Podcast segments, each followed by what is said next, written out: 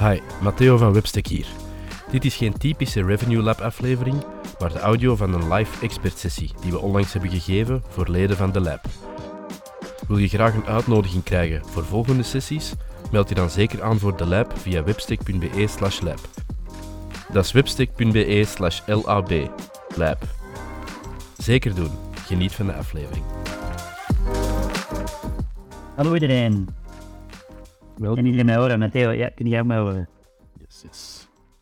Het idee vandaag is als volgt. We gaan... ehm, eh, we, hebben, ze- we, hebben het, we hebben het genoemd trends, maar ik denk dat eerder evoluties zijn. Vier evoluties in Legion, ehm, die wij ergens, volgens onze bescheiden mening, voorspellen. ehm, die wel hebben zien gebeuren afgelopen jaar en die wij denken die, eh, die doorgetrokken gaan zijn in, eh, in, of doorgetrokken gaan worden in 2023. We gaan niet alle vier even overlopen, samen met jullie, even doorpraten. Uh, maar uiteraard, eh, zoals altijd, eh, proberen wij genoeg tijd te voorzien voor Q&A's of voor discussiemomenten. Ehm, moest je, eh, we gaan er vier bespreken vandaag, moest je in tussentijds vragen hebben, opmerkingen, suggesties, ehm, stuur ze gerust in de chat. Eh, we gaan proberen na elke, ehm, elk topic één of twee vragen al te beantwoorden of eh, te bespreken samen.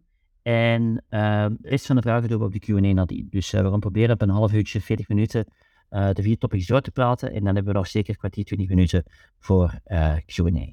Dat is de bedoeling. Eh, ik ben hier vandaag met Matteo. Matteo, ik doe samen met Matteo Review Lab. voilà.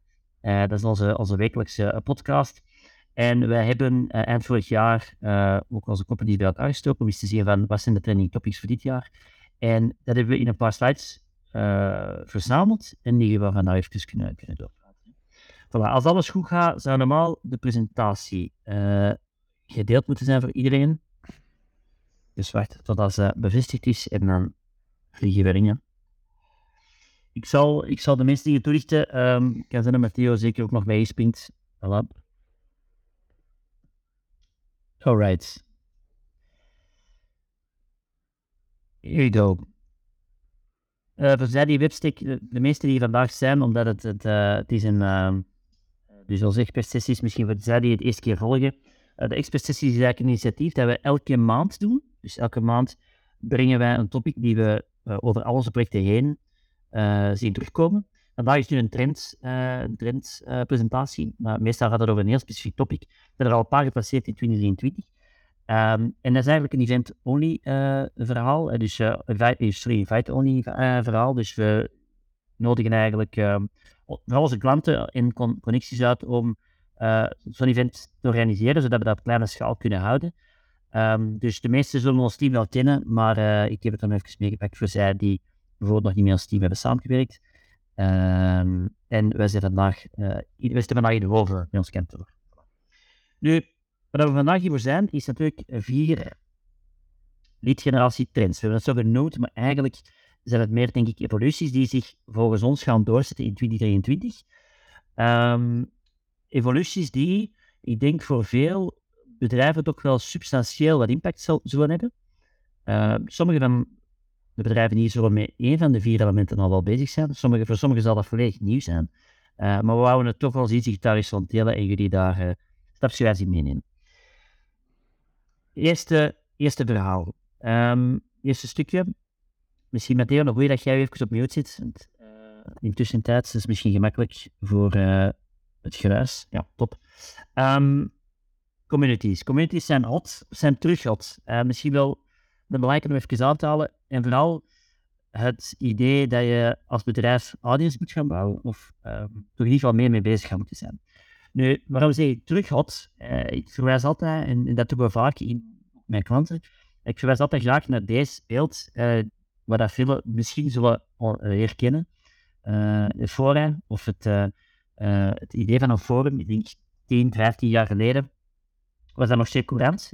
Dat mensen binnen bepaalde niches, binnen bepaalde interesses in forums of in fora informatie opzochten met gelijkgestemde van ideeën wisselden.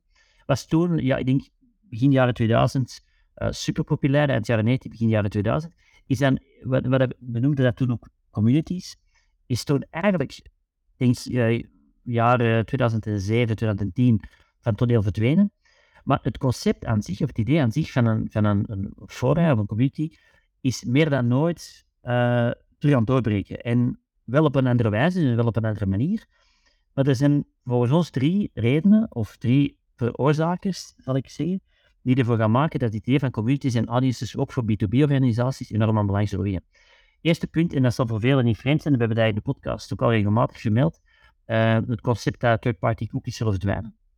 Uh, waardoor dat je als, als, als organisatie, als marketingteam, veel minder gemakkelijk op um, remarketingwijze kan inspelen op mensen die bijvoorbeeld al verder zitten in een beslissingsproces. We vroeger heel gemakkelijk via retargeting, via remarketingcampagnes uh, dat niche-publiek konden bereiken, is dat vandaag, of gaat dat vandaag veel moeilijker worden. Dus het zal belangrijker worden om die laag daarboven, dat breder publiek, om dat in, te gaan uh, enthousiasmeren en te gaan meetrekken in dat verhaal, om ervoor te zorgen dat die top-of-mind of die top-of-mind positie sterker wordt. En als het moment van convisie daar is, dat men eigenlijk sneller aan, aan uh, jouw bedrijf of jouw organisatie kan, gaan denken. Dus dat is heel belangrijk, het vooral het idee van third-party cookie en de implicaties ervan.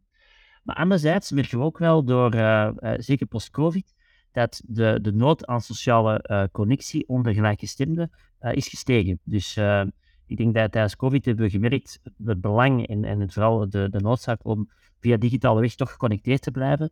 Dat we, we, hebben gemerkt dat het ook wel een vertaalslag heeft gekregen op in de professionele wereld. En, en dat men dus ook wel veel sneller die connecties met gelijkgestemden van opzoeken om bijvoorbeeld ervaringen te wisselen of om juiste keuzes te maken. Dat is toch wel ook een belangrijk element dat er is bijgekomen. En natuurlijk ook, dat is niet vreemd denk ik, het verlaagd consumentenvertrouwen op dit moment uh, heeft daar volgens ons ook wel een versnelling op, waar dat die economische situatie er eigenlijk voor zorgt dat, het, dat, er, uh, dat er eigenlijk wantrouwen is om, om, nieuwe beslissingen, dat mensen nieuwe beslissingen uitstellen, en dat daardoor het bouwen van vertrouwen, het bouwen van um, positieve associaties, nog belangrijker is geworden uh, voor merken in 2023. En dat zal ongetwijfeld niet meer weggaan. Dus zijn die drie elementen, het verdwijnen van die third-party cookies, en dat uh, concept dat men terug echt onder peers wilt gaan connecteren met aan dat consumentenvertrouwen, dat maakt dat het idee van communities en het bouwen van audiences um, voor ons super belangrijk geworden in lead generatie. Als basis om uiteindelijk op een gegeven moment dat te kunnen omzetten naar, naar klanten en, en naar trouwe klanten. En eigenlijk zijn er al, uh, en dat ik zeg, ik, spreek over evoluties, omdat we, ik spreek niet altijd graag in trends, maar ik denk, we hebben bepaalde signalen gezien uh, in 2022, waarop dat we denken dat dat in 2023 sterker zal doorgroeien. En bijvoorbeeld dat community-verhaal, dat wordt al eigenlijk bevestigd door een paar stappen die gezet zijn door een paar grote techspelers en, en, serviceorganisaties in 2022. Ik heb er hier zo'n paar opgelijst die toch wel onze aandacht trokken in 2022. Waaronder bijvoorbeeld Twitter, dat, uh, dat starten met communities voor professionals. Dus eigenlijk kleine subclusters waar dat um, professionals, gelijkgestemden, elkaar in interactie kunnen treden. Dat is één uh, interessante evolutie daar. Dat zijn allemaal testcases die gestart zijn in 2022, in, in bijvoorbeeld, maar die uh, uh, mogelijk in 2023 echt live gaan voor het groot publiek. Tweede punt bijvoorbeeld is McKinsey dat eind, niet vergis, eind 22 een community flywheel publiceerde, waar dat ze eigenlijk best lanceerden rond het bouwen van communities en dat in 2023 en het onderhouden daarvan. Uh, WhatsApp bijvoorbeeld experimenteren met uh, wat dat zijn noemen community groups. Dus eigenlijk iets geavanceerdere vormen van, uh, van WhatsApp-groepen. en Instagram bijvoorbeeld is momenteel nog aan het testen met wat dat zijn noemen discussiechannels, waar je op een bepaald topic met gelijkgestemden heel snel over, over die dingen kunt afstemmen, of in ieder geval ervaring kunt wisselen. En bijvoorbeeld Discord, vooral gekend in de gamewereld, is zich ook aan het differentiëren en gaat ook verder gaan dan gaming. Dus zij gaan ook andere industrieën en ook in de professionele wereld proberen om het idee van discussiegroepen uh, te creëren binnen gelijkgestemde topics, om dat eigenlijk uh, te gaan doorvertalen buiten de gamingwereld. Dus je ziet wel dat er heel wat spelers rond dat community concept in 2022 die eerste stappen hebben gezet. Um, en dat zal ongetwijfeld doorgaan in 2023. Dus de nood om in groepen van gelijkgestemden te gaan organiseren, zal aan belang winnen. En wat dat volgens ons een heel belangrijk verschil is. En ik, uh, ik, ik we kijken wat deze vraag en ook uh, naar aanleiding van de, uh, van de podcast die we organiseren, kijken we wel eens de vraag van oké, hoe start ik daar nu mee? Want het idee van een community kan ik mij wel eens inbeelden. We hebben een bepaalde expertise, we hebben een bepaalde doelgroep die daar heel veel mee bezig is. We denken wel dat het relevant zou zijn dat wij er iets zouden rond organiseren, maar hoe beginnen we eraan? En ik denk dat de twee concepten heel belangrijk en substantieel verschillend zijn. Uh, is het idee van een audience en een deel community. En eigenlijk, wat wij vaak zeggen, is start met het bouwen van een audience, met de woorden, start met een bepaalde expertise, een bepaald topic naar buiten te brengen, naar ideale doelgroepen, op een consistente en vooral op een, uh, in een hoog volume, zodat dat daar uh, affiniteit kan gecreëerd worden.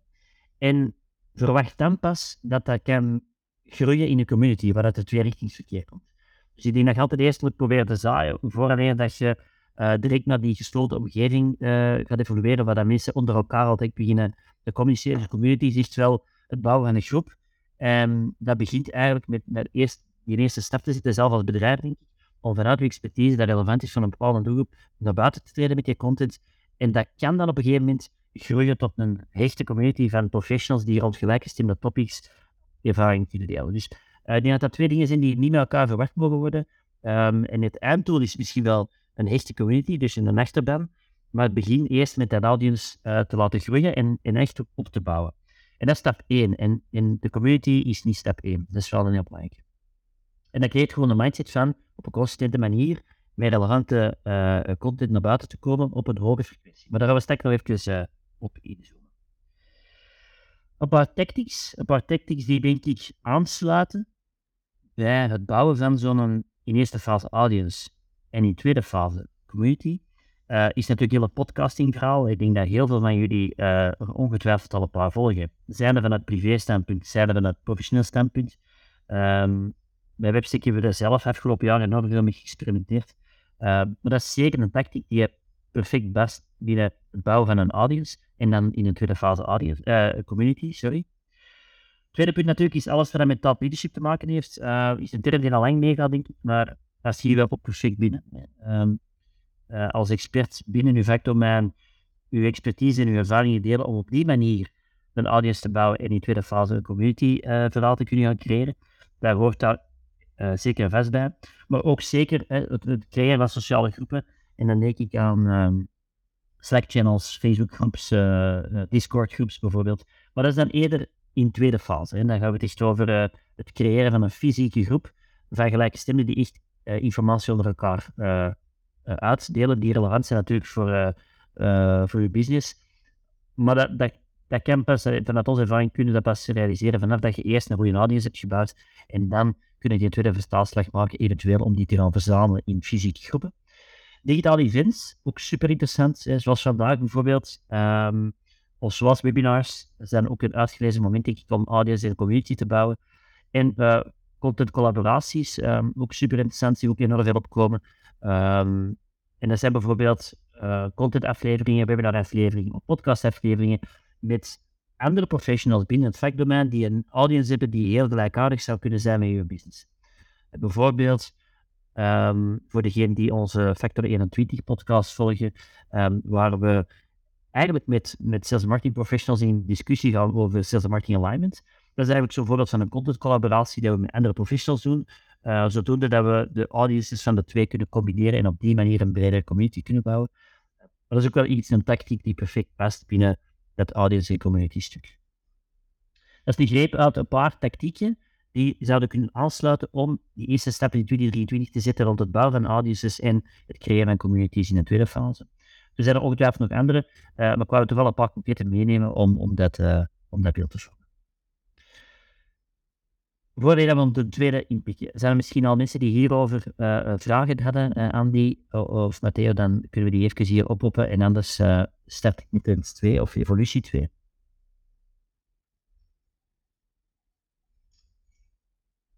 Alright. Um, tweede punt. Is eigenlijk eerder een, een, een quote die we meenemen, maar ik denk, of we zijn ervan overtuigd, dat elk bedrijf vandaag elk marketing georiënteerd bedrijf moet gaan denken of moet leren denken als een mediabedrijf. Hè, als, als SBS of als, um, als VRT bijvoorbeeld. Um, in de manier hoe dat zij naar buiten komen en de manier hoe dat zij content creëren. Ik zal eens even verduidelijken waarom, waarom dat, dat zo belangrijk is zijn voor lead generatie in 2023 en uh, welke consequenties dat, dat heeft.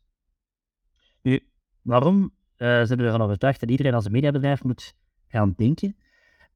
Er is, en dat zal jullie ongetwijfeld niet vreemd zijn, en uh, wij hebben daar zelf heel, heel hard natuurlijk aan, aan, mee, uh, aan meegewerkt de afgelopen tien jaar, afgelopen 10, 15 jaar. Er is afgelopen tien jaar heel wat content gecreëerd, heel wat blogcontent gecreëerd, heel wat SEO-content gecreëerd om topposities te creëren in zoekresultaten. Maar dat op zich, uh, afgelopen 10, 15 jaar, een ongelooflijk, uh, uh, we hebben ongelooflijk successen mee gekend en we hebben er veel cases mee opgebouwd. Maar dat maakt natuurlijk dat er op een gegeven moment een bestaande overload wordt aan, aan SEO-content en dat, het, dat je eigenlijk een soort, laten we zeggen, um, gepercipeerde gap creëert die niet altijd reëel is. Met andere woorden, um, ik, ik ben met hier rechts, dat is ik het, ik kan tot met mijn pointer, ik ben met hier rechts proberen te visualiseren. Um, er is heel veel content ter beschikking en als je eigenlijk de contentmarketeer zou loslaten, dan is letterlijk de sky the limit. Maar eigenlijk als we merken welke content er echt geconsumeerd wordt, hè, dus als we kijken naar uh, analytics profielen bijvoorbeeld en uh, naar alle content die dan uiteindelijk via zoekresultaten of via andere platformen gelezen en bekeken wordt, dan is dat een, een, stuk lager. Dan is dat een stuk minder content dat uiteindelijk kan bekeken worden, omdat er zo'n overload wordt aan content. Dus eigenlijk hebben we soms de perceptie of het, idee dat de opportuniteit die we nog hebben in het, uh, uh, het, bereiken van onze content, of in ieder geval het laten consumeren van onze content door onze doelgroep, dat, dat er nog een ongelooflijke opportuniteit is. Maar eigenlijk merken we dat dat effect er niet is. En dat we eerder naar minder content creatie moeten gaan. Met andere woorden, minder verschillende boodschappen moeten gaan, uh, gaan brengen. Maar dat is vaak het probleem. We gaan eigenlijk heel veel verschillende boodschappen brengen in heel veel verschillende blogartikels. Um, dat is één, geen vaste leiding. En twee, um, dat is niet altijd perfect afgestemd op de doel. Dus eigenlijk merken we dat we niet naar meer verschillende content moeten gaan, maar dat we naar minder verschillende content moeten gaan, maar wel op een consistentere en uh, sterker ver, uh, verknipte manier naar de consument moeten brengen, zodat die, de, de content ook behapbaar wordt. ik zal straks een voorbeeld laten zien, maar in ieder geval de, de periode of de, de, de, de timeframe waar we ongelooflijk veel verschillende content, uh, duizenden blogartikels beginnen uitwerken die dan uh, vooral vanuit de standpunt zijn geschreven en die we dan zo breed mogelijk willen inzetten. Ik denk dat we dat achter ons hebben en ik denk dat we meer naar uh, ja, content moeten gaan waar we een rode draad kunnen creëren. Minder verschillende topics, maar wel dieper uitgewerkt. En dat zullen we, ik zal zoiets een eerste voorbeeld laten zien, maar dat is eigenlijk vooral een tegenreactie die ik op het, uh, het feit dat er vandaag een overload is aan content die, die, die zoekresultaten staan en die eigenlijk uh, maar voor een fractie voor topresultaten zorgt in, in, in, uh, in search results bijvoorbeeld. Tweede element waarom uh, dat, dat, dat we als mediabedrijf moeten gaan denken is omdat we zien dat die aandachtspannen alleen maar korter wordt. Hè. We zien dat ook in, in campagnes natuurlijk, maar we hebben hier een, een, weergave, dat is nu wel van 2020, waar we bijvoorbeeld ehm, de aandachtspannen hebben bekeken of uh, dat is een onderzoek eigenlijk dat uh, uh, paid campagnes heeft afgetoetst tegen de, hoe lang men daarbij blijft stilstaan in videoformats. En hier zie je bijvoorbeeld de aandachtspannen die er is op campagnes tot 10 seconden, tot 60 seconden en tot zelfs 5 minuten. En dan merken we bijvoorbeeld inderdaad dat eigenlijk tot een minuut 46% uh, blijft hangen. En vanaf, daar, vanaf dan gaat het, daar, gaat het daaronder.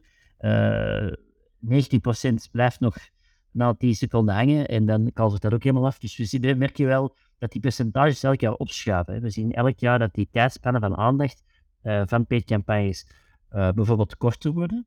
Dus dat wil zeggen dat we veel, um, ja, dat we veel meer gaan in verschillende um, snelheden gaan moeten denken. Want we zien ook wel, en niet, want soms kunnen we de conclusie worden gemaakt van ja, eigenlijk zouden we dan enkel wat korte formats moeten maken. En dat is zeker niet het geval. Hè. We zien dat uh, in de awareness fase heel korte content zeer populair is, maar vanaf wat, wat dieper in dat beslissingsproces komt, dat long format zeker vast een plaats heeft en uh, zelfs zeer, veel aandacht krijgt. Uh, dus het is zeker niet de conclusie, we moeten alleen maar korte formats maken, maar we moeten veel meer variatie hebben in, in formats, in lengtes. Um, en dat is ook de manier waarop de, mediabedrijven denken. Uh, daar zullen we straks op terugkomen. De, anderzijds zijn er natuurlijk ook uh, social kanalen, maar ook formats met heel hoog entertainmentgehalte die opkomen, zoals TikTok bijvoorbeeld, waar dat ook wel in de, in de aan het werkt dat, ja, dat we meer en meer als mediabedrijven moeten gaan werken, omdat die formats op die manier zijn opgebouwd. Hè. TikTok is daar het perfecte voorbeeld van. er zijn nog social media platformen die in de stijger staan, die exact ook dat entertainment gehalte, uh, dat snel entertainment gehalte met zich uh, meedragen. Dus we gaan er rekening mee moeten houden. Het zijn die drie elementen samen die toch wel maken dat we op een andere manier naar contentcreatie moeten gaan, of toch op een andere manier moeten overdenken, om die leads op de juiste manier mee te nemen. En er zijn een paar gevolgen, denk ik, die daar betrekking op hebben. Hè. Dus we hebben het feit dat we als mediabedrijf moeten denken. Er zijn een paar elementen die ervoor zorgen dat we daar staan. Nu, wat is het gevolg eigenlijk? Wat is het gevolg voor de manier dan, als we als mediabedrijf moeten denken, um, met wat moeten we daar rekening houden? En wat dat één, belangrijk ding is, en dat is voor dat mediabedrijven denk ik heel sterk in zijn, is consistentie. Um, en daarmee wil ik zeggen, een verwachtingspatroon creëren. Uh, keer per week, één keer per dag content naar buiten brengen op een consistente manier. Het zal belangrijk zijn om die aandachtspannen, die korte aandachtspannen, enerzijds, in die korte aandachtspannen enerzijds, en anderzijds in alle content die er vandaag beschikbaar is, om daar genoeg aandacht te houden. En dat is heel belangrijk om genoeg herhaling te houden, om uiteindelijk ook wel te blijven hangen en effectief de tijd te hebben om het vertrouwen te winnen. En dus tijden waar we zeggen, we gaan één keer per maand, twee keer per kwartaal de, white, de grote whitepaper uitwerken en we gaan dat in een cyclische campagne lanceren, en dan drie maanden geen, uh, uh, geen, geen, campagne meer voeren, ja, dat, is, dat, dat, gaat volgens mij in 2023 zeer moeilijk zijn om dat nog succesvol te maken. Uh, omdat je te weinig consistentie mist, je te weinig consistentie om vertrouwen en tijdelijke aandachtspannen te houden. omdat die formats korter worden, omdat die, ehm, de mate van campagne zal alleen maar sneller en sneller worden. Dus dat is één belangrijk aspect. Een ander aspect, en hebben we de straks ook besproken, we zien dat die aandachtspannen zeer verschillend is van zeer korte aandachtsspannen in awareness-fases tot in consideratiefases zeer lange formats die heel goed scoren. Dus we gaan verschillende formats moeten hebben. Um, en natuurlijk moeten we dat efficiënt kunnen doen. Hè. We hebben korte, lange formats nodig. We hebben die tekst, in video, in audio, in beeld nodig. Um, maar natuurlijk, dat, dat, dat, dat zorgt voor enorm veel workload. Dus we gaan dat op een slimme manier moeten doen. Om ervoor te zorgen dat we dat, dat, we dat ook kunnen waarmaken. En dat we onszelf niet vastrijden in uh, enorm veel verschillende dingen creëren die los van elkaar staan, waardoor dat je de workload zo hoog wordt dat je de consistentie niet kunt houden en dat je eigenlijk al vrij snel moet lossen. En dan is het doel natuurlijk ook volledig uh, gemist. Hè. Dus op een slimme manier nadenken hoe dat je dat doet, zal daar heel belangrijk worden. Um, we zullen alsjeblieft een voorbeeldje gaan laten zien. En bij die consistentie, wat ik de stak uh, uh, ook aanhaalde, zal ook een ja, hogere frequentie horen. Hè. Dus het idee dat we één keer per maand um, content publiceren, een blogartikel publiceren, een whitepaper publiceren, um, zal een pak hoger moeten liggen. Dus we echt in, uh, in dagen moeten denken en niet in maanden. Uh, maar hoe kunnen we elke week twee, drie, vier uh, contentstukken buiten krijgen op een slimme manier die behapbaar is. Zodoende dat we die, die, die always-on aandacht hebben en op die manier het verschil kunnen maken in de markt, in onze communicatie, maar ook in die aanwezigheid. In die tijden waar het korte aandachtspannen zijn, hebben waar de mensen snel afgeleid zijn door andere prikkels. Dus dat gaat ook wel een heel belangrijke zijn. Maar je voelt al snel, dat, dat, dat geeft het gevoel dat we, echt een, contentproductiehuis moeten worden. Uh, die werkmiddelen zijn er vaak niet. Maar natuurlijk moeten we daar op een slimme manier over nadenken. We hebben dat in, ooit in onze een van de eerste uh, expertsessies ook eens een keer aangehaald, het framework dat wij hanteren. En ik vind het nog wel eens een goede plaats om dat, dat eens kort toe te dichten, omdat ik dat ik wel denk dat dat een efficiënte manier is om erover na te denken binnen je organisatie. Wat wij altijd zeggen, probeer zeker niet gefragmenteerd te denken. Dus probeer vanaf een heel duidelijke focus te starten. En dat is wat we bovenaan zien. Dus meestal zeggen we, um, probeer na te denken, wat is de rode draad? Wat is eigenlijk um, het, het, interesseveld of het punt waar onze klanten mee bezig zijn? En wat zijn de uitdagingen, de problemen waar onze klanten mee bezig zijn? Wat is de rode draad daar? En hoe kunnen we daar een vast concept rond creëren? En ik zal het voorbeeld geven van onze, onze Lead Lab bijvoorbeeld, of onze, wat hebben we nu hebben omgedoopt in, in januari tot Review Lab. Bij ons is dat de podcast. Bij ons is dat één keer per week doen wij een opname van vragen die wij krijgen in projecten van klanten, van mensen op LinkedIn, die wij gaan beantwoorden in een aflevering. Dat is de draad en dat is altijd gebaseerd op onze visie richting Legion. Um, en dat is ons, ons, ons startpunt. En vanuit die ene aflevering die bij ons 30 tot 45 minuten duurt, gaan wij heel wat slimme afgeleiden maken. En slimme afgeleiden, naar analogie met uh, de punten die we net hebben gezegd, dat wil zeggen uh, heel veel verschillende formats, dus korte TikToks, uh, korte LinkedIn snippets, de maandelijkse review report, waar we alle best practices vanuit onze podcast van die maand oplijsten. dat kan ook over organische posts gaan die we delen met, met ons publiek. Maar dat kan even goed gaan over bijvoorbeeld uitnodigingen richting dan uh, van vandaag, invite-only events, waar we dan op bepaalde topics nog dieper ingaan. Maar altijd gebouwd op dat centraal concept bovenaan. En dus we gaan niet opnieuw uh, afwijken van een concept, of we gaan er geen losstaande dingen van creëren die niet in lijn liggen met het, de content dat we daar hebben gecreëerd, bovenaan. Maar we gaan altijd afgeleidend maken uh, die rechtstreeks vanuit die afleveringen komen. Zodat we op één slim captatiemoment maximaal um, inzichten kunnen uithalen, die we dan vervolgens heel breed in distributie kunnen gaan inzetten. Om ervoor te zorgen dat we één, consistentie zeer hoog hebben. Uh, twee, de verschillende vormen van formats krijgen, zowel kort als lang, als middellang, als audio, als beeld, als, als, als, uh, als tekst bijvoorbeeld. We werken ook blogartikels rond uit.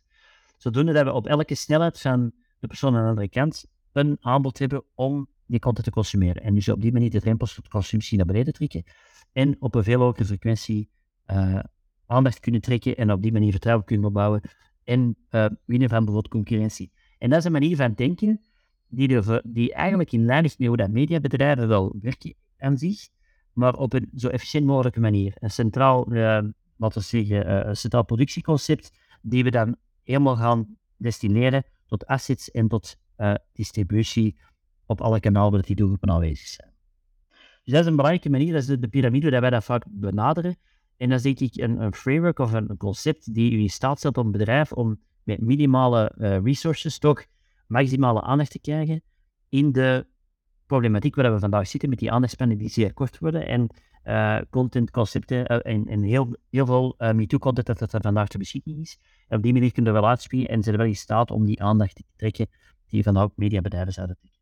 Dus dat is, een, dat is denk ik een, mindset die, die wat bedrijven gaan moeten installeren in 2023 Um, om te zorgen dat ze dat efficiënt kunnen doen en ook wel behapbaar kunnen houden. Voilà. Um, dat is een tweede trend. Hè. Dus denken als mediabedrijf. En ik denk heel interessant om dat eens intern uh, te bekijken. Wat is de, centraal, de rode draad binnen onze organisatie? Wat is, wat is uiteindelijk um, uh, het, het, punt of het, uh, probleem dat klanten bij ons, hè, onze klanten willen oplossen door met ons samen te werken. En hoe kunnen we dat in een centraal concept organiseren, zodat we daar al die afgeleiden uit kunnen bouwen. Dat is eigenlijk de, de oefening die je daar zou kunnen doen, om op die manier naar een andere manier naar contentproductie en dus ook naar campagnes te voilà. Um, derde punt, tenzij dat er uh, vragen zijn, maar dan uh, zal Andy eventuele vragen al oppoppen. Een derde punt is data, en wordt al een paar jaar gezegd, maar data gaat dit jaar uh, enorm belangrijk zijn. En vooral het zeer bewust bezig zijn met eigen data. En waarom gaat dat belangrijk zijn? Verschillende redenen. Uh, third-party data issues uh, gaat daar zeker een belangrijke zijn. Dus het idee dat die third-party cookie uh, gaat verdwijnen, waardoor dat je eigenlijk niet meer zo gemakkelijk. Hè, want nu, nu zou ik kunnen zeggen, oké, ik, wil, ik wil inzoomen of ik wil inspelen op de mensen die vandaag in de markt zitten voor product X, Y of Z. Dan kan je als adverteerder, kunnen wij daarop inspelen. Uh, dat gaat er allemaal uitgaan, omdat die third-party cookies uh, uh, aan banden worden gericht. Dus we gaan dat niet meer kunnen doen. Dus we kunnen niet meer terugleunen op de data van bijvoorbeeld een Google of Facebook of een Instagram bijvoorbeeld. Um, dus dat gaat ons terug moeten gaan laten nadenken van oké, hoe kunnen we daar wel voor zorgen dat we, dat de mensen die in de markt zitten voor ons product of als service, hoe kunnen we daar wel actief op inspelen? En daar zijn er eigenlijk niet veel opties, want third party was het, was het en dat heeft ons eigenlijk een beetje verwend gemaakt de afgelopen uh, tien jaar, laten we zeggen. Uh, dat gaat eruit vallen. Anderzijds gaan hele, binnen heel het GDPR-verhaal van 2018 en ook de extra strenge reguleringen die eraan komen rond privacy en rond targeting, gaan daar ook nog beperkingen in geven. Dus dat gaat ons eigenlijk geneigd, dat gaat ons moeten neigen naar terug eigen intent data zoeken, terug eigen intent data opbouwen. En uh, dan gaat het first party data vooral terug belangrijk worden. First party data is eigenlijk data die we zelf in ons CRM, in ons database hebben zitten, doordat mensen formulieren hebben ingevuld op de website, door bepaalde pagina's op de website hebben bekeken. Dus data die we zelf met de interactie op onze website zelf hebben kunnen capteren. Dat is eigenlijk kort samengevat uh, first party data. Daar gaan we mee bezig moeten zijn. Maar als wij kijken in de realiteit, En dat is uh, dat niet meer persoonlijk. Als we kijken naar heel veel CRM's, 90% van die data is, is, is, is gewoon, hè, is, is zeer inconsistent. Uh, er valt eigenlijk geen inzicht over, uh, over op te bouwen, omdat men er in de afgelopen tien jaar vrij slordig mee omgesprongen is. Maar nu dat die reguleringen er komen, uh, zie, zie, ik wel heel veel bedrijven, veel bedrijven die het nog misschien niet beseffen, andere bedrijven die de eerste startpunt, uh, de startstappen niet zetten. maar dat gaat enorm belangrijk worden om nog genoeg eigen inzichten te hebben om betere targeting te doen en betere beslissingen te nemen uh, op bedrijfsniveau. Omdat we dus die, ja, die stap van, van third party niet meer kunnen doen. En er zijn een paar elementen die er volgens ons onder horen. Dus uh, wat betekent dat dan met eigen data bezig zijn? Als ik dan naar ons bedrijf kijk, in, in wat verhoudt zich dat dan? Um, een eerste puntje zal zijn consolidatie.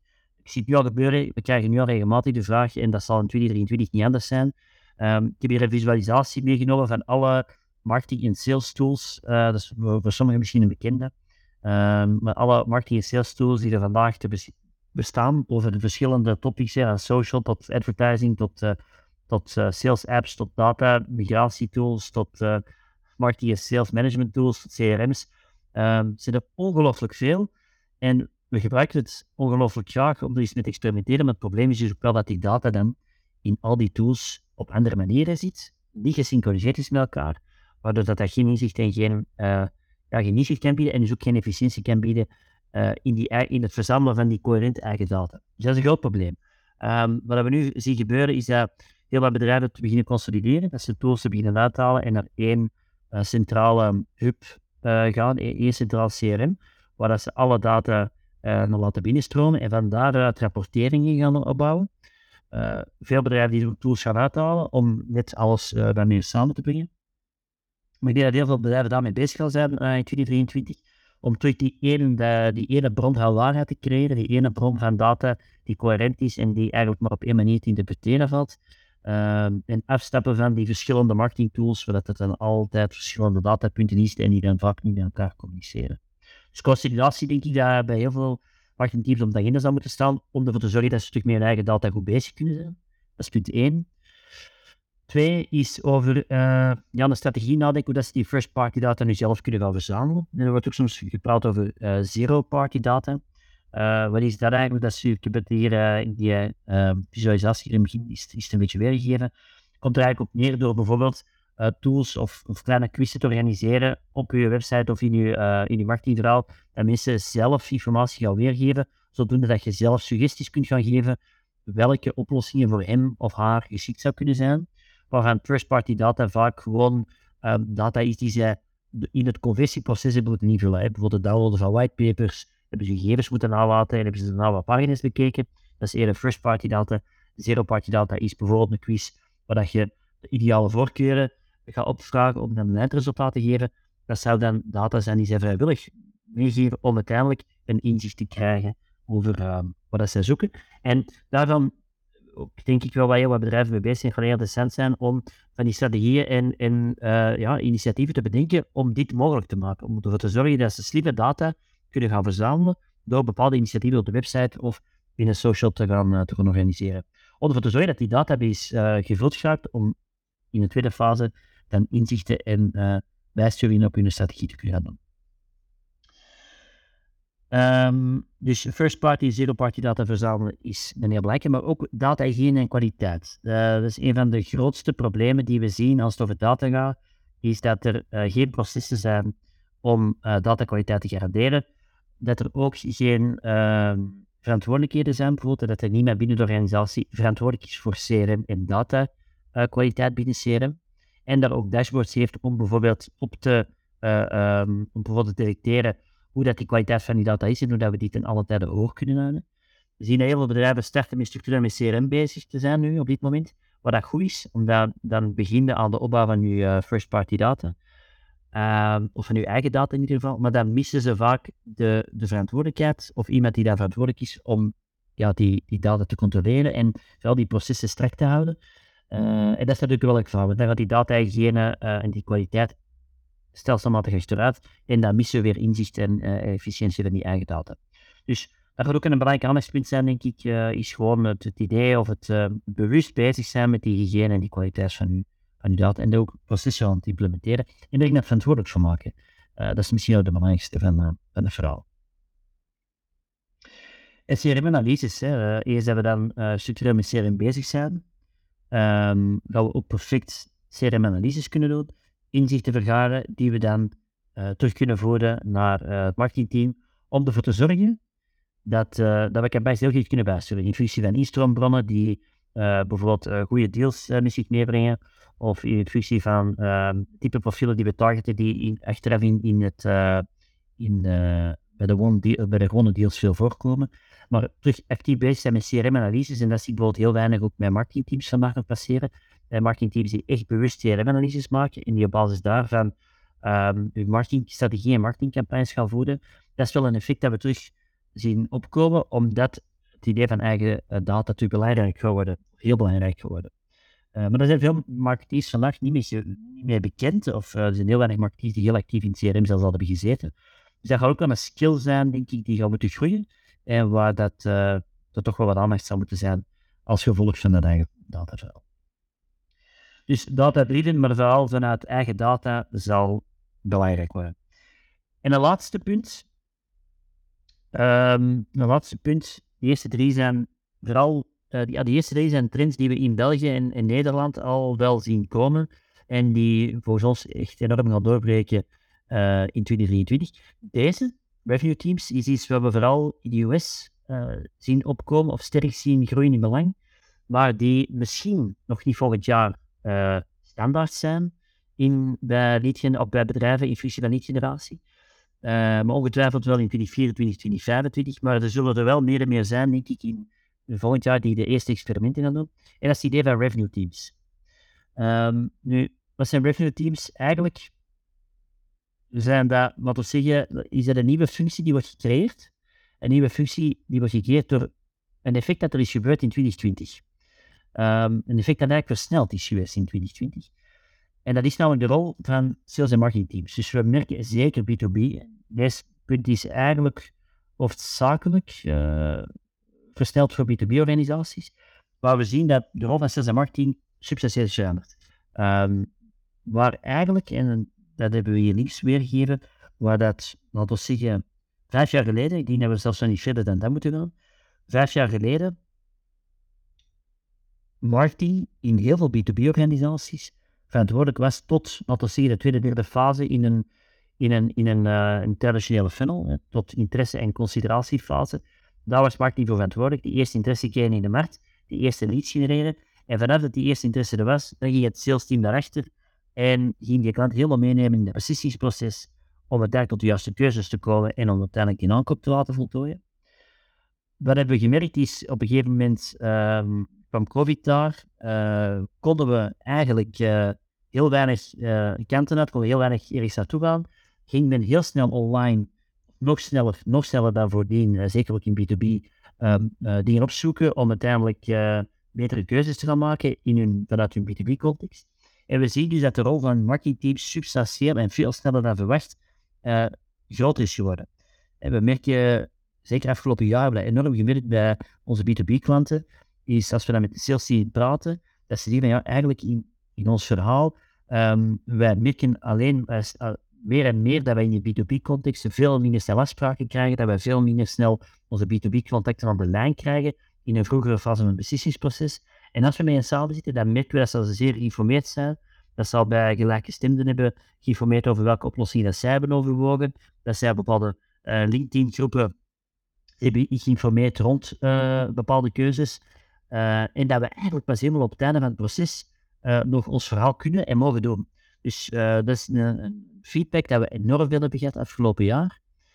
En dat eigenlijk dit een beetje re reflecteert. Dus bij de marketing veel dieper gaat in, in, het, in beslissingsproces en eigenlijk heel wat van de overwegingen die leads hebben in die eerste overwegingsfase moet gaan beantwoorden, tot zelfs al de fase waar dat men bewust een paar keuzes wilt overwegen, ook gaat moeten meespelen.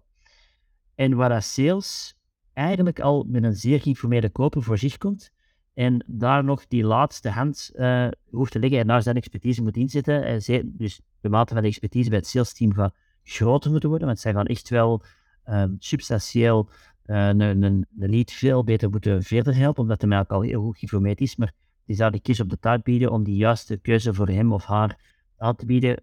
Uh, daarin begeleiden zal belangrijk worden. Dus die maat van expertise zal nog meer het verschil maken dan, vijf jaar geleden. En we hebben gezien dat die een trend heeft hij al een paar jaar geleden niet gezet, door natuurlijk gewoon de, de maturiteit van het internet en informatie die daar gewoon uh, overal te beschikking is. Maar die versnelling is echt wel afgelopen twee jaar gebeurd.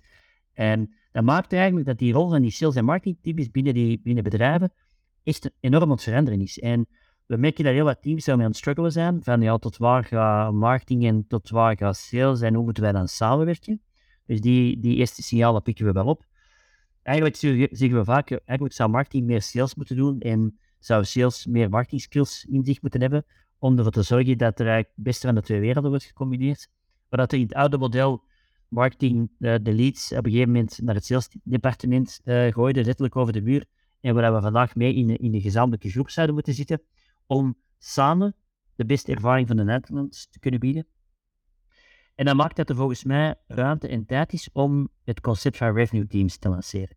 En dat is iets, niet dat wij lanceren, dat eigenlijk, uh, dat concept is eigenlijk in de US gegroeid. Uh, een jaar, twee, drie jaar geleden hebben we dat van keer eigenlijk opgepikt, maar uh, dat begint nu ook in, we zijn er zelf mee, we, passen het zelf toe, maar we zien ook wel, ik heb het bij één of twee bedrijven ook in België al gezien, um, maar eigenlijk, ze zeggen van kijk, we moeten vanuit een eindklant denken en die rol van sales en marketing loopt zo door elkaar en marketing moet zover mee in, het, in de sales funnel uh, en, sales moet eigenlijk ook meer als marketeers beginnen denken, dus worden er bijna hybride uh, uh, functies met misschien ieders een eigen accent. Dus moeten we naar een soort core team gaan, een revenue team, waar sales, marketing en ook customer support, want het gaat natuurlijk over heel, een hele klantenbeleving, uh, in één werkteam samen gaan werken om, de, om de beste manier richting omzet te gaan groeien. En eigenlijk willen we hiermee zeggen, en ik denk dat dat het effect zal worden, dat op een gegeven moment sales- en marketingteams in de traditionele vorm gaan verdwijnen en dat dat revenue teams worden met ieder zijn eigen expertises, waar men echt gaat aligneren op doelstelling, met andere woorden, we gaan een gezamenlijke doelstelling en niet naar het, het scenario dat bijvoorbeeld het marketingteam gaat kijken naar de marketing qualified leads en sales wordt afgerekend op pure uh, gecreëerd is. Maar dat we naar één doel gaan, waar dat ieder zijn deelonderdeeltje heeft, maar niet naar gefragmenteerde doelstellingen, want dat zorgt alleen maar voor frictie, waardoor die twee afdelingen al voor elkaar soms komen te staan en waardoor het eigenlijk uh, dat mechanisme elkaar gaat tegenwerken. Dus echt van op zielen, en dat is dan denk ik de verantwoordelijkheid ook van van, van de management, van de organisatie, van hoe kunnen we één doelstelling voor dat revenue team stellen. Uh, en iedereen is daar een onderdeel van, maar één doelstelling die staat centraal en iedereen alineert daarop. Uh, het tweede punt dat er heel belangrijk is, is aligneren op positionering en strategie. Uh, denken wij vanuit het revenue team allemaal op dezelfde manier over de ideale klant? Denken wij vanuit het revenue team allemaal op dezelfde manier naar de strategie, hoe dat we die mensen tot bij ons willen gaan trekken? Dat is ook een heel belangrijk. We zien ook vaak dat in die silo's um, tegenstrijdig is. Dus dat men er op een andere manier over uh, kijkt van wat dan nu een ideale klant is, wat dan een ideale industrie zou zijn, wat een ideale prospect zou zijn. Dus ook door die teams uh, of de, functies samen te trekken, uh, kan er ook al geen verwarring en geen miscommunicatie rond ontstaan. En ook heel duidelijk aligneren op verantwoordelijkheden. Hè. Wat is de verantwoordelijkheid van de marktgeoriënteerde personen binnen die groep en wat zijn de, de verantwoordelijkheden van die salesgeoriënteerde profielen binnen die groep? Maar het is wel de bedoeling dat dat één groep wordt, één werkteam, één team, dat eigenlijk naar een bepaald review-doelstelling of doelstelling gaat evolueren en alle initiatieven die ertoe bijdragen, worden in dat core team besproken, zodat dat echt volledig gealineerd zit. Bottlenecks die we vandaag nog zien om dat te implementeren bij de meeste bedrijven zijn verloningsstructuren. Um, het zal belangrijk zijn, de bonusstructuur van sales versus marketingteams als doelstellingen. Um, marketing kijkt vaak een heel concrete lead marketing doelstelling. Uh, terwijl uh, sales enkel op uh, omzet wordt afgerekend. Maar vaak staan die haaks hier over elkaar. Want het genereren van leads wil niet zeggen dat dat gelijk is aan het genereren van omzet. Want we kunnen leads genereren, maar als dat niet de juiste profielen zijn, of we, we gaan bijvoorbeeld daar de doel op iets aan de schatten, ja, dan zal dat niet resulteren tot de juiste omzet. En bereiken we eigenlijk het finale doel niet. Dus daarom is het belangrijk om één doelstelling te stellen met daar onderverantwoordelijkheden. En dat we dus weggaan van die ja, gefragmenteerde aanpak op leadgeneratie, maar dat er eigenlijk één leadgeneratie team wordt met ieder zijn eigen onderdeeltje. Dus dat is wel een belangrijke. Dat is een beetje weergegeven dat je dus één plan creëert um, van het initieel aantrekken van prospecten tot uiteindelijk uh, het vergroten van klanten. Eén, een aanpak dat door één coherent team wordt besproken en waar dat elk initiatief uh, wordt doorgepraat, maar waar dat we misschien uh, delen van het team of mensen onderling ehm, profielen van het team deeltjes van de puzzel gaan invullen. Het is wel het belangrijke, dat hoeft zo niet te zijn dat het hele team alles gaat uitvoeren, maar het volledige plan, het, het revenue-plan eigenlijk, wordt volledig doorgesproken door die drie afdelingen, die dan één groep vormen vanaf heden. En uh, gaan dan vervolgens ook uh, geëvalueerd worden door dat team uh, op geregelde basis. En hoe, hoe zou dat bijvoorbeeld mee kunnen experimenteren? Uh, dat is wat wij het in 2022 hebben gedaan. Wij hebben eigenlijk onze, bijvoorbeeld intern onze eigen sales en marketing meetings gecanceld. volledig overboord gegooid. en wij, gaan, we hebben een core team samengesteld die uh, we het ratio team uh, noemen, die dan misschien uh, voorheen in een marketing en in een sales meeting en misschien soms een overkoepelende meeting zaten, die hebben we samengebracht. En daar hebben wij bijvoorbeeld het eerste kwartaal van 2022 hebben wij bijvoorbeeld eerst geanimeerd op doelstellingen, positioneringsstrategie, verantwoordelijkheden binnen dat team. Wie doen wat en wat zijn de verwachtingen en, en hoe gaan we dat, en wat is, hoe is ons positionering eruit en hoe zien onze ideale klant eruit en, en hoe aligneren we daar ook daar bijvoorbeeld zijn om te zien dat zelfs ook bij ons soms wel nog um, uh, andere verwachtingen rond waren. Dus heel verhelderend om te zien dat het eigenlijk uh, op die manier wel echt van de baan kan uh, gewerkt worden. En ook vervolgens hebben wij een gezamenlijke agenda gedefinieerd over die volledige customer journey heen, van eerste bereik tot uiteindelijk klant. Waar kunnen we echt nog stappen zetten samen? vanuit input van de, de, mensen die vooral met nieuwe klanten in contact komen, tot mensen die op projecten zitten, tot mensen die bijvoorbeeld uh, de facturatie doen? Waar zitten de verbeterpunten? En hoe kunnen we ervoor zorgen dat we dat stelselmatig uh, kunnen uitrollen richting één gemeenschappelijk doel? Waar iedereen natuurlijk heel duidelijk zijn verantwoordelijkheid heeft. Hij zijn een input op een deeltje van de puzzel. Maar door dat in één team te bekijken, merken we dat we de, machine veel efficiënter krijgen bij bedrijven en ons bij onszelf bijvoorbeeld ook. Um, en dat concept, denk ik, daar zijn we overtuigd in 2023 uh, nog populairder geworden. Om ervoor te zorgen dat die fricties die er nu vandaag zijn in lead-generatie, zeker dat spanning tussen sales- en marketingteams, uh, dat toch wel onder druk komt te staan, zeker met economische uh, tijden die er vandaag zijn, dat we dat kunnen wegwerken en we daar toch de eerste stappen in kunnen zetten. Voilà. Dus um, dat waren kort samengevat uh, volgens ons vier evoluties. Hè, van ik heb die veranderd, geen trends meer, maar vier evoluties die volgens ons in, we zien nog eens opgesomd, die volgens ons in 2023 interessant zijn om te overwegen als bedrijf. Um, we hebben het gehad over communities, maar vooral het eerst nadenken hoe gaan we een audience bouwen, die, een publiek bouwen dat uh, bij gelijke stemden, waar wij oplossingen voor bieden, om dan in de tweede fase naar een hechtere groep te komen, uh, om op die manier vertrouwen op te bouwen. Punt 1.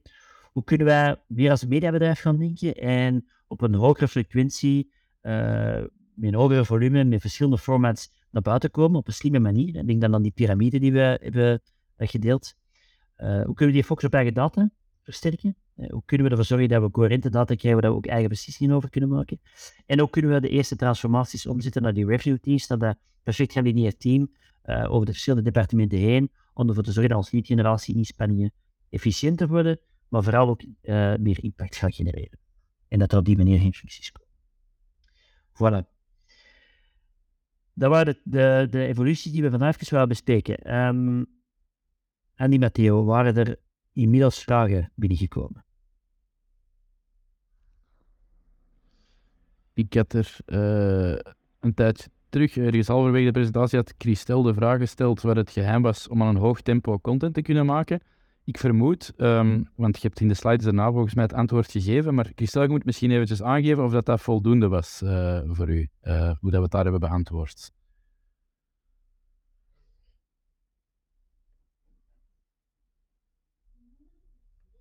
En ik had van Elke nog de vraag gekregen, um, reverse IP lookup. Um, data dat vroeger bijvoorbeeld gewoon in, in, Google Analytics zat onder netwerk, dat je, dat je netwerken kon herkennen en dan nu via ja, andere providers of verschillende providers ook wordt aangeboden, hoe, dat ze dat in, uh, hoe dat wij dat in een marketingmix uh, zien, uh, zien passen.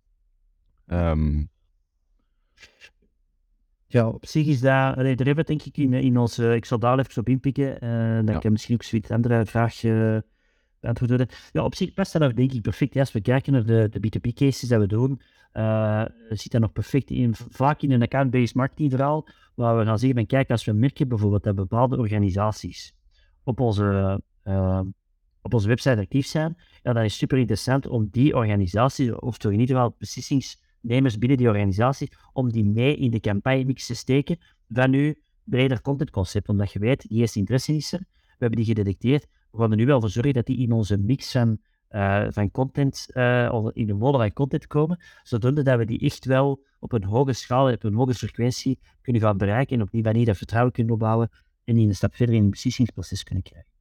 Uh, dus eigenlijk is dat, ja, dus zien we dat vaak als een eerste aanzet om die mensen zeker mee te pakken in paid campagnes, om die audience eigenlijk een stukje vooruit te werken. En op zich binnen die privacyreguleringen, als dat misschien ook elke nu uh, bezorgdheid was, vandaag hoort dat niet onder uh, de privacybeperking, dus uh, dat is geen issue vandaag als het gaat over privacy, omdat het over uh, bedrijfsinformatie, anonieme bedrijfsinformatie gaat. Dat is niet gelinkt aan persoonlijke, persoonlijke data. dus dat kan perfect gebruikt worden.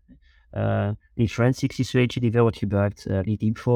Dat zijn zo twee voorbeelden om te herkennen welke bedrijven op je website zitten en die vaak wordt gebruikt om inderdaad uh, account-based marketingprogramma's te gaan, te gaan voeden.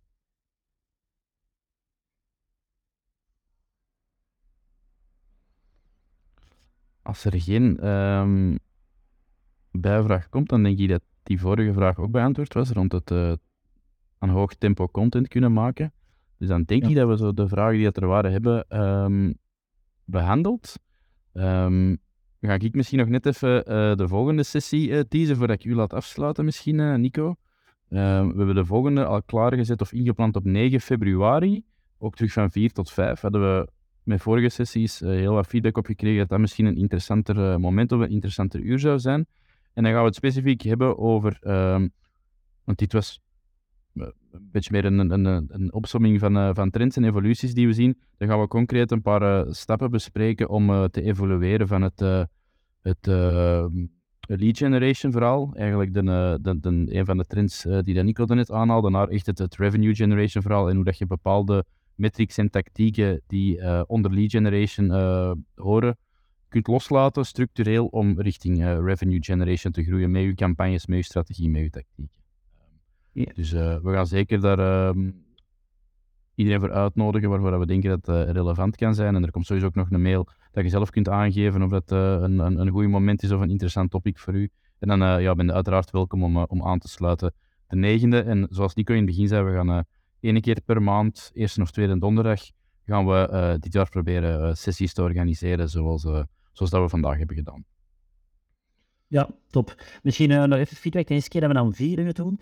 Um, voor zij die vandaag aanwezig zijn of konden zijn, um, is dat voor jullie een, interessant uur? Uh, want we, hebben dat in het verleden op de middag gedaan, maar we merkten dat dat soms in de waan van de dag niet altijd het beste moment was. Daarom dat we dat eerder op het einde van de werkdag als ideaal een afsluiter zagen. Dus ik had er wel toch om eens even feedback over te horen of dat, dat voor degenen die vandaag zijn een beter moment zou zijn. Dan kunnen we ongetwijfeld, daar gaan we er rekening mee kunnen houden. En dan pakken we dat mee naar onze volgende sessie van 9 februari. Uh, en misschien nog voor degene die het nog niet wist, en dan zal ik uh, naar de afsluit gaan. Um, wij, hebben ook, wij gaan ook uh, begin dit jaar gaan wij de lab, ah, bedenk me alleen. Um, we gaan, oké, okay, Colin is oké. Okay. Alright, dan gaan we dat, dan gaan we dat inderdaad om vier uur houden. Dat is een ideale om af te sluiten. Wij gaan trouwens um, om begin Q1, dus normaal ergens eind Q1 zal dat, of staat dat momenteel gepland, gaan wij de lab lanceren. Uh, de lab is eigenlijk een plaats waar wij al onze in, dus events zoals vandaag gaan aankondigen en de invites uh, mogelijk gaan maken. Waar wij ook alle opnames gaan verzamelen, waar wij ook frameworks of checklists of um, sheets die wij gebruiken in, camp, in campagnes of, of, of in, in, strategieën, gaan we daar een plaats geven veel van die dingen die wij vaak tijdens de podcastafleveringen uh, vorig jaar hebben vermeld en die we in de show notes geen plaats in die altijd hebben geplaatst, ehm, die gaan wij nu allemaal verzamelen in de lab. En dat zal er is een, een, omgeving zijn op de website bij ons, maar je kunt u daar al um, voor registreren op uh, webstick.be slash lab zeker, ja, webstick.be slash lab. En dan uh, word je als eerste mee uitgenodigd, of ga je als eerste de melding krijgen als de lab uh, online is. We zijn er momenteel nog al bezig. Uh, we verwachten dat er Q1 af te ronden. hopen dat we daar niet te veel vertraging mee hebben. Maar dan kun je daar al zeker registreren voor zij die daar interesse in hebben. Voilà. En dan denk ik, als er geen extra vragen zijn, dat we uh, voor vandaag er iedereen uh, hier in ieder geval op zitten. Ik wens sowieso iedereen nog een uh, fijne werkweek. bedankt om aanwezig te zijn. Wij zullen de opname ook delen. we weten nog niet hoe, misschien via mail of nee, dat kun je niet. We zullen nog wel zien dat we dat doen. In de lab waarschijnlijk. En we zien jullie graag tijdens onze volgende sessie op 9 februari. Je kunt je er al van inschrijven, die vindt staan online. dus registreer alvast op onze LinkedIn-pagina. En dan zien we jullie graag terug voor een uh, volgende topic, waar we het over review generation gaan hebben en de aspecten die daar belangrijk in zijn. Alvast bedankt en uh, tot een volgend moment. Bye iedereen. Salut allemaal, bye bye.